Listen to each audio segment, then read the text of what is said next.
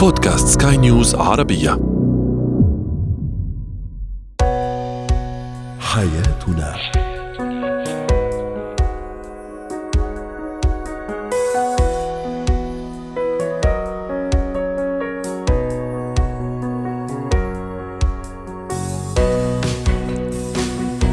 مستمعينا الكرام أهلا بكم معنا إلى حياتنا فضاؤكم اليومي الذي يعنى بشؤون الأسرة وباقي الشؤون الحياتيه الأخرى والذي يمكنكم الاستماع اليه عبر منصة سكاي نيوز ارابيا دوت كوم سلاش بودكاست وباقي منصات سكاي نيوز عربية الأخرى. شاركونا عبر رقم الواتساب 00971 561 88 6223 معي أنا إبتسام العكريمي.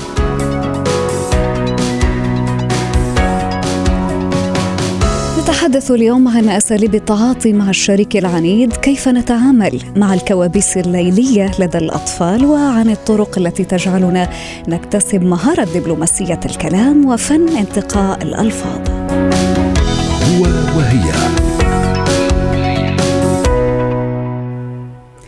لكل زوج زوجة أو شريك حياة في المجمل تركيبة خاصة به تركيبة مختلفة في الشخصية كما قد تكون وجهات النظر كذلك مختلفة في حال كان أحد الطرفين عنيدا فإن الطرف الثاني قد يشتكي من صعوبة في التعامل معه والتفاوض في أي أمور حياتية أو خاصة به إذ يصعب التعامل أو حتى تجاوز بعض العقبات أو المواقف أو حتى الأزمات.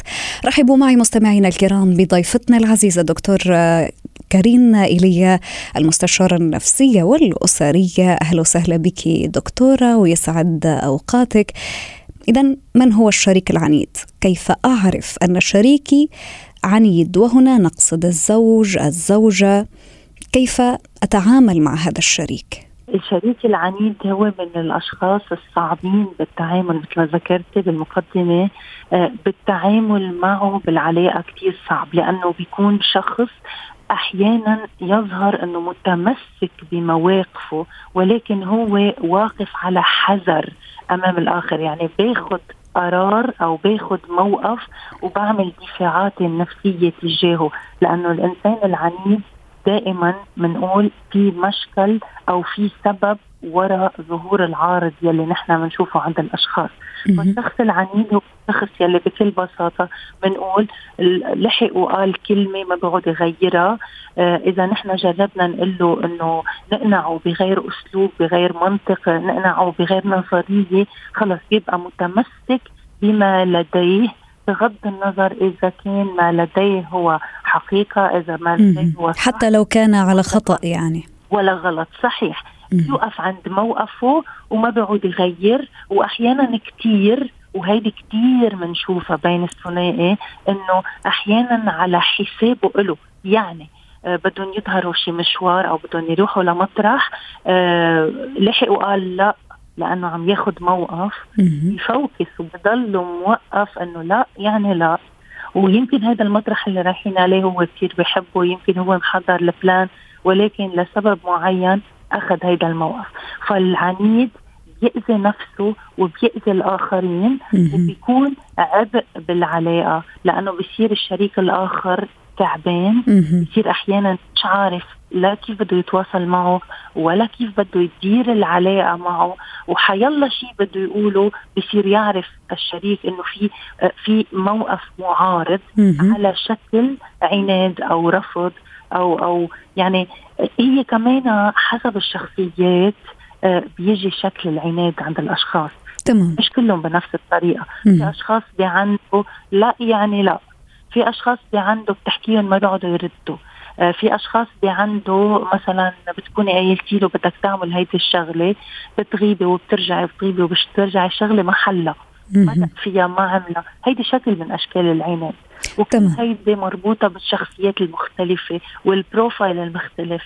دكتورة دكتورة كارين كيف يكون أسلوب التعاطي مع الشريك العنيد؟ بجميع حالاته أو بجميع أنواع العناد التي قد تكون بداخل شخصية هذا الشريك.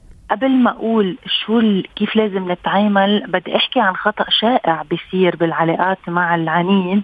هي إذا بنرجع إذا بنرجع شوي للأهل كيف بيعاملوا ابنهم يلي بيعند بأرضه بيوقفوا بيعندوا قباله وبيصيروا عم بي عم بيعيطوا عليه ليشوفوا مين الأقوى ومين السلطة؟ مثل كأنه بدنا نشوف يلي بيربح بيكون هو السلطة. هيدي النظرية سوبر غلط وهيدي النظرية كثير كمان بنشوفها بين الثنائي. خلينا نفهم مين رح يربح بالأخير.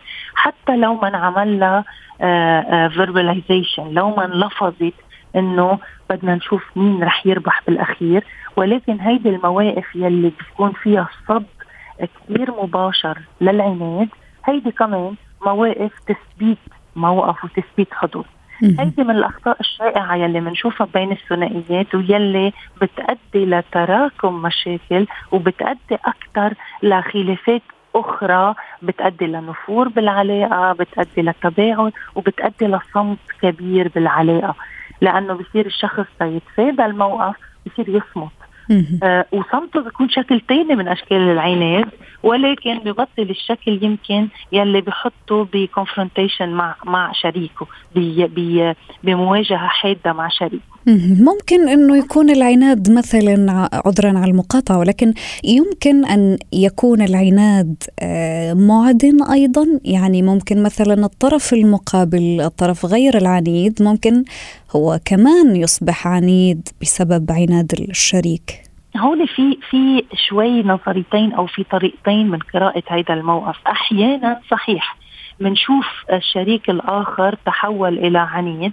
هون بيكون عم بتحول لأنه أنا عم باخذ موقف مقابل الموقف يلي هو عنده إياه شريكي وأحيانا كثير وهيدي بنشوفها بشكل هيك آه قليل من الناس آه أحيانا شريكي بيكون بتطلع له آه كمثال وأحيانا كثير ما بكون منتبه إنه عناده هيدي خصلة عاطلة أو خصلة سيئة. أحيانا بتأثر بمواقفه أو بطريقة اخذه للقرارات أو للمواقف. وبتبنى بعض منها وأحيانا العناد بيكون جزء من الأشياء اللي بتبناها بشريكة وهذه بتكون أشياء سلبية وهون بتصير أخطر لأنه هيدي المواقف مع الوقت بتعزز بتعزز مثل ما قلت السكوت الصمت بين الثنائي. لأنه بنوصل بنلاقي كل حدا واقف على سلاحه على مساحته آه وأنا بدي اخذ قراراتي ما بعود يعني ما بعود اخذ وأعطي. بالعلاقة مع الآخر إنه في رأي آه مختلف لرأيي في مواقف آه مختلفة لقناعاتي آه في أشياء أنا I need to compromise عليها لحتى شريكي يرجع يعمل compromise من ميلة ثانية هيدي المواقف كلها مع الوقت بالعلاقة بتبلش كثير معطلة كثير مرضية بقلب العلاقة. بالضبط وتصبح أيضا عبء ثقيل على الشريكين. طيب هل هل دكتورة لابد على الشريك اختيار الكلمات؟ اللي ممكن يستخدمها مثلا في النقاش بعناية شديدة لتجنب سوء الفهم من الطرف الآخر وهذا الأمر أو هذا الأسلوب هل سيؤثر ايجابا بالضرورة في طبع هذا الشريك؟ نحن بالتعامل مع الشريك العنيد في كم أسلوب هودي هن الأفضل ويلي أكثر شيء بيجيبوا نتيجة. اولا بس يبلش يعند الشريك ما في نقاش. بنوقف النقاش لأنه حيلا نقاش بده يرجع أنا يردني على دفاعاتي وهو بده يخليه يحطه على دفاعاته.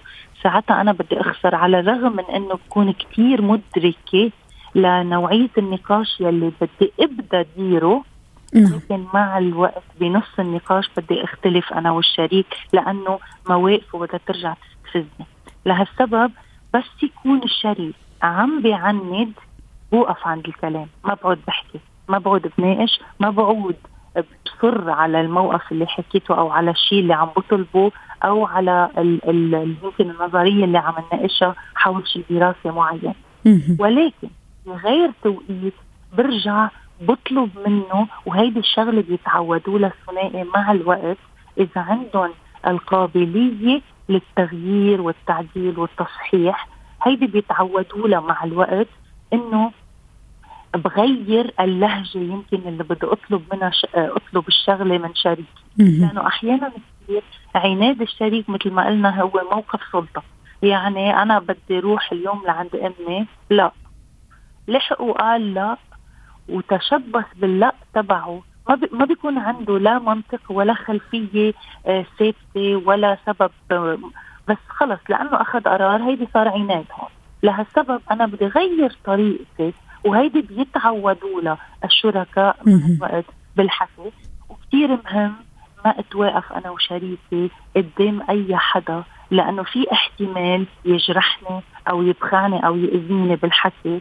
بتضل اهين يرجعوا يحلوا المشكل ويلفتوا له نظره ليست... ليرجع يعتذر ويدرك لغير مرة إذا كانت هيدي الشغلة عم بتصير وهن موجودين لوحدهم. إذا في شخص ثالث أو رابع ممكن الموقف يكبر.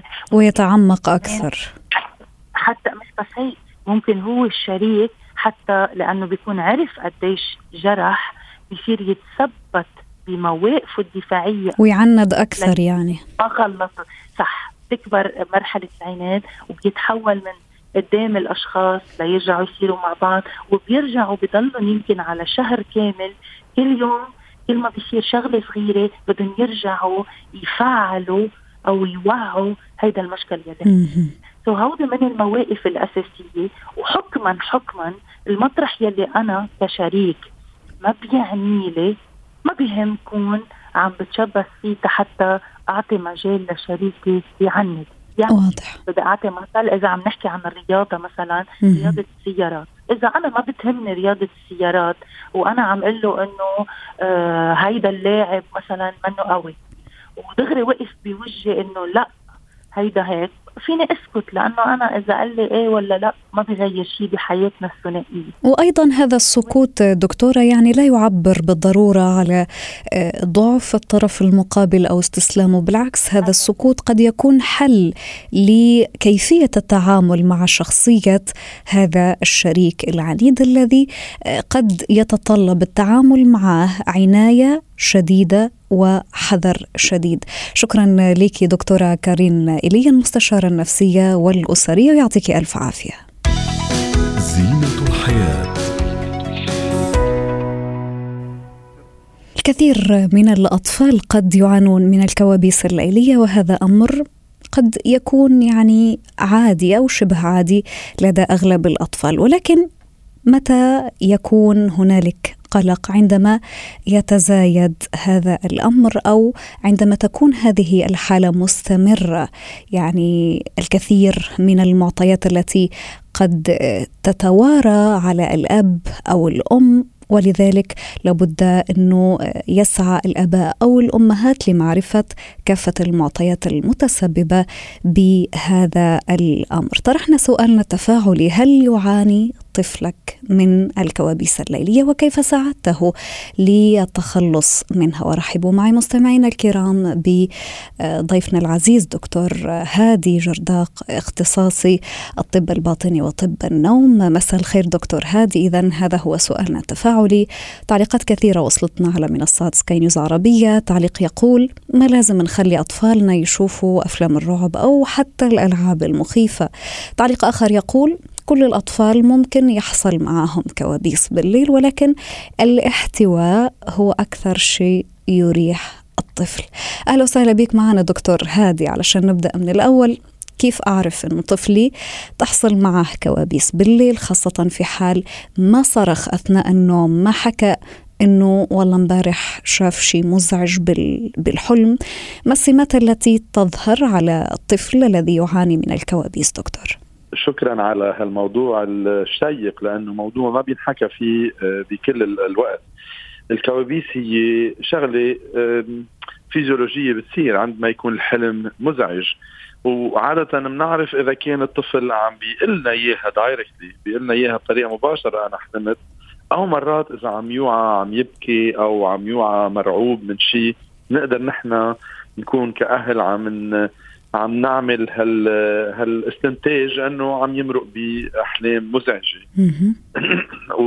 واللي قالوا بال بال بالتعليقات انه آه، في مرات لازم نتجنب أفلام الرعب أو الألعاب الإلكترونية المخيفة نعم.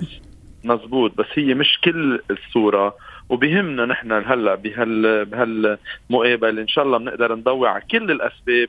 لأنه فيها مرات الأسباب تكون هي طبية وسيكولوجية. وإن شاء الله بنقدر نحكي نحكي عنها كلها سوا ونشرح للأهل كيف ممكن يتفادوا أن أولادهم يصير عندهم جميل جدا. نبدأ بالأسباب اذا الأسباب بنقدر نقسمها لعدة أقسام. في أسباب طبية. نعم. قبل ما نحكي بالأسباب اللي هي آه سيكولوجية. بيئية بيئية أو سيكولوجية. الأسباب الطبية في كثير مرات أدوية بناخذها بتسبب آه آه بتسبب كوابيس. بعطيكي مثل كثير مهم. في أدوية دواء من أدوية الرابو يلي اسمه مونتيلوكاست الاسم العلمي تبعه مونتيلوكاست أو سينجولير مرات. عنده احتمال يعطي 10% آه، من الأطفال اللي بيتعاطوه بيكون عندهم كوابيس متكررة أثناء الليل.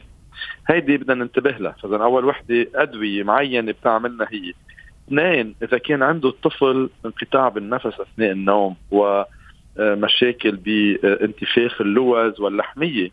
هالطفل هذا بيكون عم يتعرض أكثر من مرة لحلم من الكوابيس يلي هي كأنه عم يختنق. هو بالفعل بيكون عم يختنق من وراء انقطاع النفس. هو بيحلمها. فبقى هذا الحلم السبيسيفيك يعني عم نحكي تفسير أحلام ومش رح نفوت بموضوع إنه نفسر الحلم بس يعني الجسم ممكن إنه يعطي إشارة أو العقل نعم. ممكن إنه يعطي إشارة لصاحبه إنه في انقطاع في التنفس وذلك قد يبرز في الحلم. طيب كيف نتعامل دكتور؟ ننتبه. بهول الحالتين لازم نشوف الطبيب ونحكي مع الطبيب لأنه إذا كان عنده انقطاع بالنفس لازم يعمل فحص للنوم وإذا كان عنده دواء عم بيسبب هالكابوس لازم نتجنب أخذ الدواء في بدائل منه ما بتسبب الكوابيس. هيدي من الناحية الطبية. نرجع ننتقل للناحية اللي هي بنسميها بيئية environmental بيئية بالإنجليزي وبالعربي. نعم. يلي بنعتبر نحن أنه الطفل لما ينام بالليل بده يكون محضر للنوم. ما في يكون عم يتعرض لكثير أمور بتثير المشاعر والغرائز ونروح ننام لأنه آخر ساعة من النوم لازم تكون ساعة هادئة ساعة تؤدي للطفل يخف المشاعر وأحاسيسه تدريجيا. تخف ويدخل بالنوم نعم. آه الألعاب الإلكترونية الصعبة اللي هي مرعبة مرات والحرب والقتل وال يلي بنعرفها كلنا الأفلام وحتى الأفلام الأكشن يعني مش ضروري يكون فيلم رعب الطفل بيتفاعل بشكل مضاعف عن عن البالغ من العمر نعم. لأنه يمكن الفيلم بيكون بالنسبة لنا كأهل يكون شيء عادي. يكون عادي ولكن في الطفل قد يترك الكثير من الأثار النفسية وقد يؤدي بالتالي إلى آه، ترجمتها عبر الكوابيس. في أقل من دقيقة دكتور لو سمحت علشان الوقت بدهمنا التشجيع والثقة بالنفس إذا حاولت أزيد من هذه الجرعة النفسية الإيجابية هل ستؤثر ايجابا بالضرورة على نفسية الطفل؟ وما عاد يشوف كوابيس مثلا؟ ممكن كثير التشجيع تساعد والاحتواء ومرات بنجيبه لحدنا على التخت بننيمه حدنا لنقطع عنه الليلة كله بيساعد. وإذا لم تساعد لازم نروح عند طبيب مختص لأنه في لها علاج إذا كانت متكررة وغير مجدية كل القصص يلي عملناها نعم. بس ما ما لازم نترك الطفل عم يكون عنده كوابيس و ما نعمل شيء لنساعده شكرا لك دكتور هادي جرداق أخصائي الطب الباطني وطب النوم يعطيك ألف عافية. مهارات الحياة.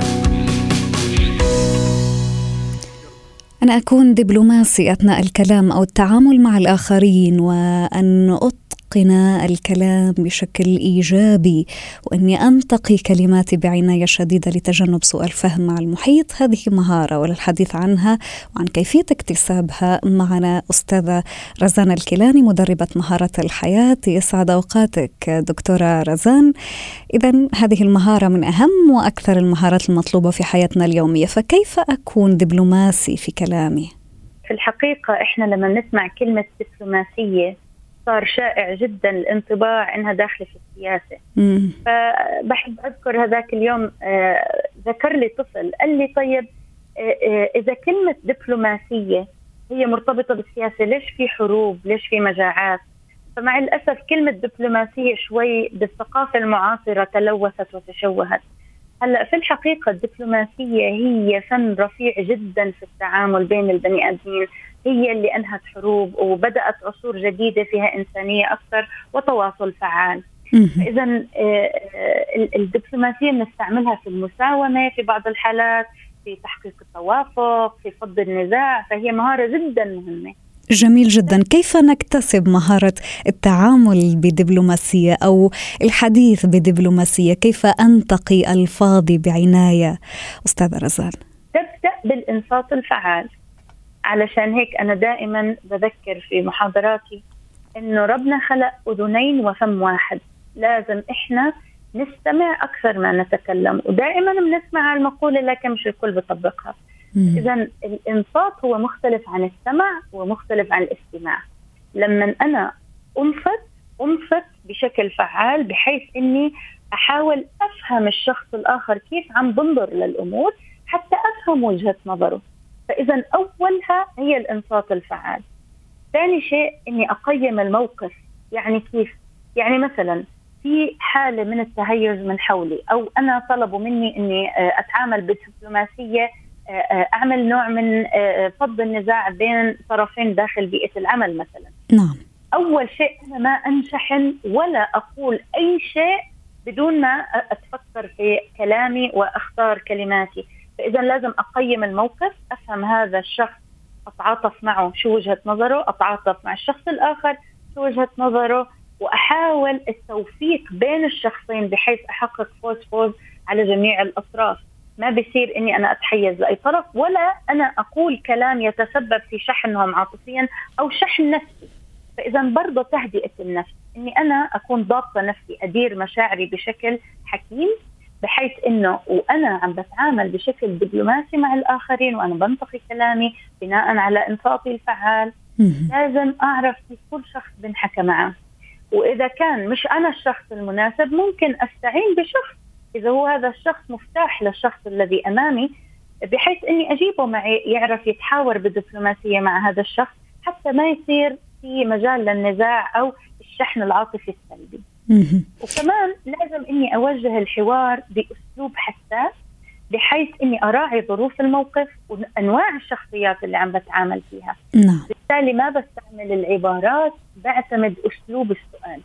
نعم. أسلوب السؤال كما اكتشفنا في علم آه، برمجة الأعصاب آه، يؤدي إلى تعاون دماغ الشخص اللي أمامي في إيجاد حل على هذا السؤال بينما إذا أنا بوجه له عبارات هو رح ينتبه فقط على 30% منها.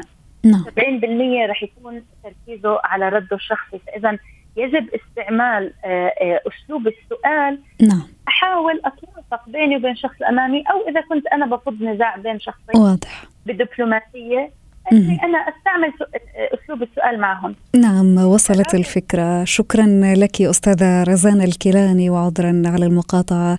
تهمنا الوقت. يعني ما حسينا بالحديث وكله مفيد وكيفية أن تكون دبلوماسي. هذا أمر جدا مهم في حياتنا اليومية. شكرا لك أستاذة رزان الكيلاني مدربة مهارات الحياة ويعطيك ألف عافية.